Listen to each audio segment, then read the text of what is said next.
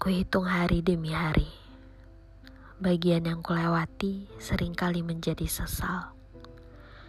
Bagian yang akan datang sering kali membuatku sesak. Jagat raya terus berjalan, tak pernah mundur ke belakang. Seringkali terasa cepat berlalu.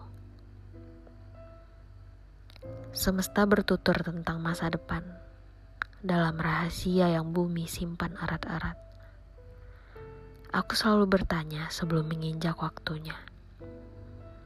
Jawaban sering kali membuatku terengah-engah. Aku tak mengerti, besar atau kecil langkahku, waktu tetap membawaku pada tujuannya. Terkadang itu bukan tujuan yang langkahku inginkan. Seolah bila aku diam pun, takdir tetap akan menghampiri. Bagian mana yang paling kutakuti? Ternyata semua memang harus aku hadapi. Dengan diam, berjalan, berlari, atau berusaha menghindar, semua tetap sama, tetap akan dihadapkan.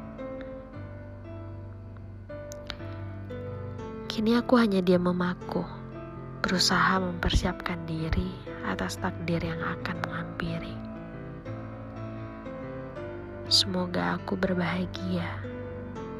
Semoga aku tidak terluka.